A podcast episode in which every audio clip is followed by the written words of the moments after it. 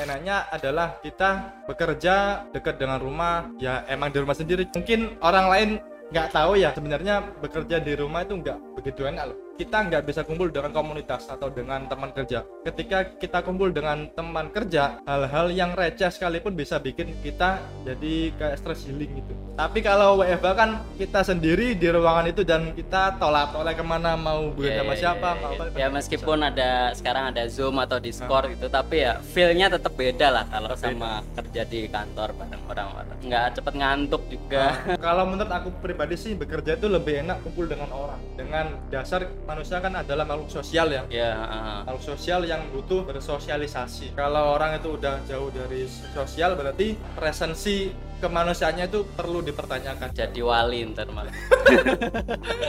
tahu tahu individu wali aja masih berjuang ah. demi sosial apalagi kita ya